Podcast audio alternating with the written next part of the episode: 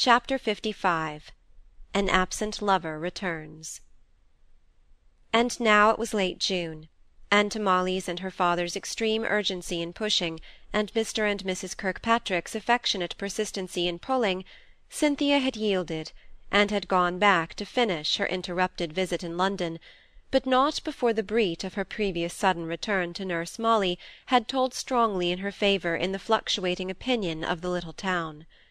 Her affair with Mr. Preston was thrust into the shade, while every one was speaking of her warm heart.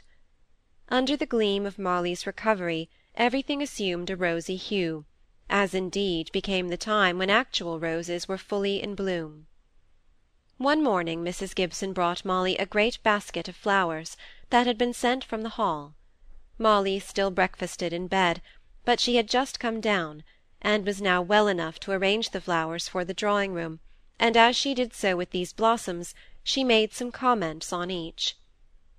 Ah, these white pinks! They were Mrs. Hamley's favourite flower, and so like her.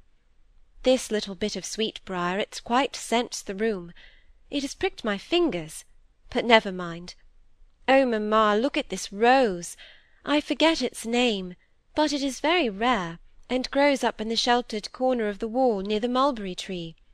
Roger bought the tree for his mother with his own money when he was quite a boy. He showed it me, and made me notice it. I dare say it was Roger who got it now. You heard papa say he had seen him yesterday. No, Roger, Roger come home, said Molly, turning first red, then very white. Yes. Oh, I remember you had gone to bed before papa came in, and he was called off early to tiresome Mrs. Beale. Yes, Roger turned up at the Hall the day before yesterday. But Molly leaned back against her chair, too faint to do more at the flowers for some time.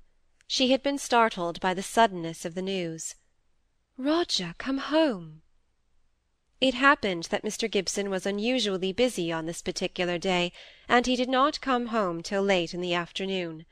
But Molly kept her place in the drawing-room all the time, not even going to take her customary siesta, so anxious was she to hear everything about Roger's return, which as yet appeared to her almost incredible.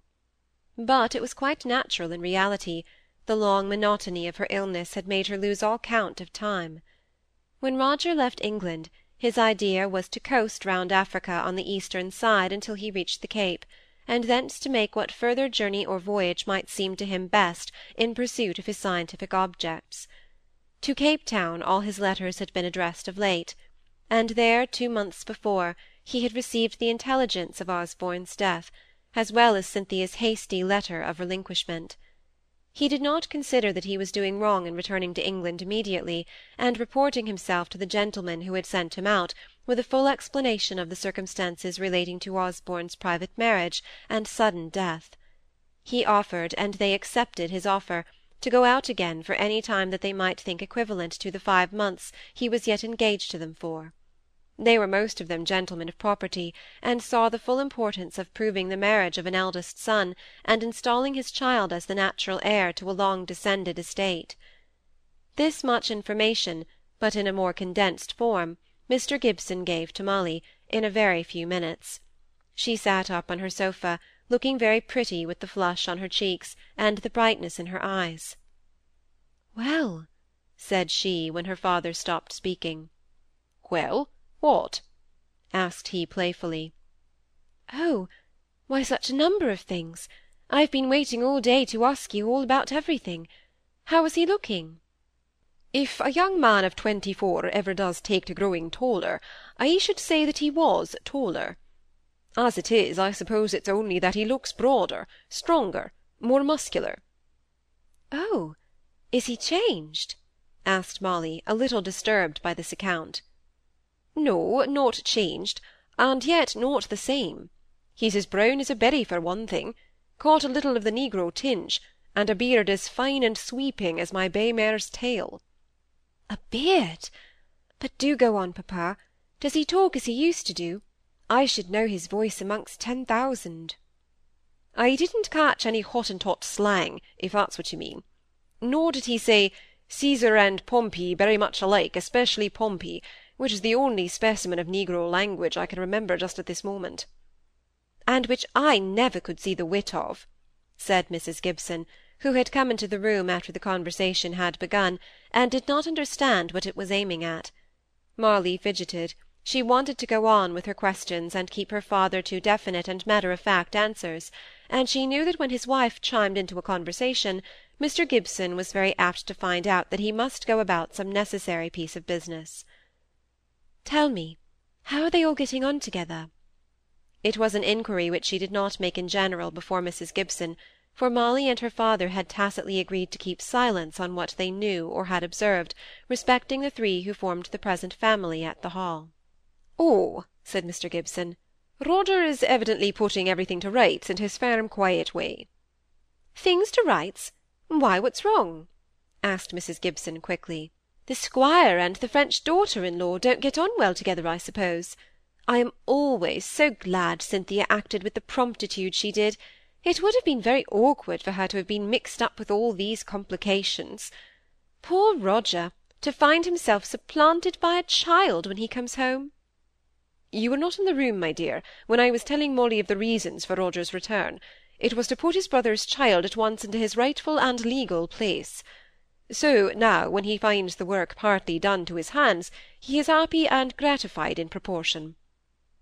Then he is not much affected by Cynthia's breaking off her engagement? Mrs. Gibson could afford to call it an engagement now. I never did give him credit for very deep feelings. On the contrary, he feels it very acutely. He and I had a long talk about it yesterday. Both Molly and Mrs. Gibson would have liked to have heard something more about this conversation, but Mr. Gibson did not choose to go on with the subject. The only point which he disclosed was that Roger had insisted on his right to have a personal interview with Cynthia, and on hearing that she was in London at present, had deferred any further explanation or expostulation by letter, preferring to await her return. Molly went on with her questions on other subjects. "And Mrs. Osborne Hamley, how is she?" "Wonderfully brightened by Roger's presence. I don't think I've ever seen her smile before but she gives him the sweetest smiles from time to time.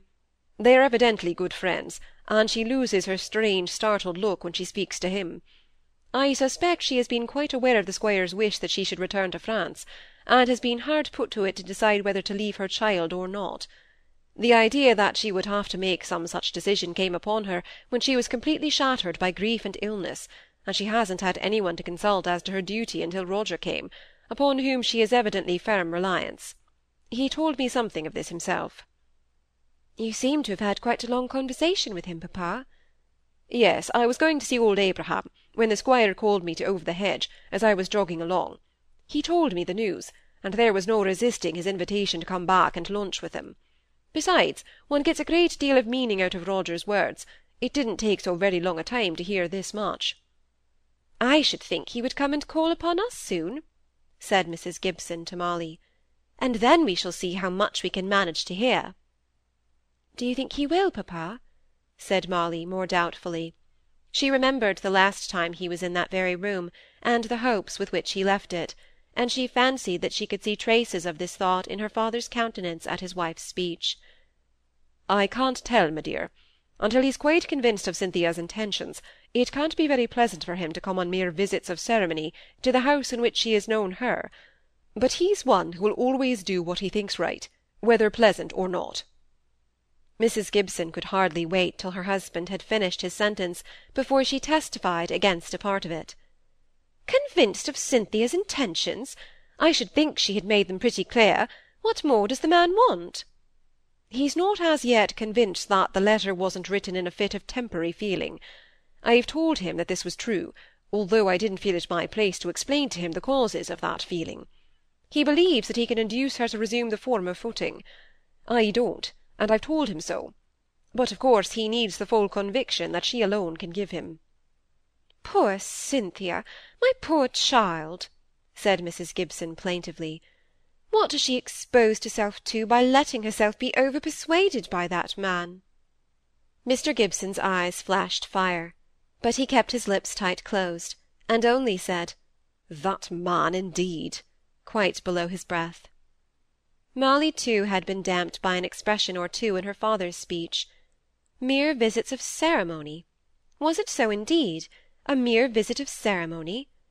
Whatever it was, the call was paid before many days were over.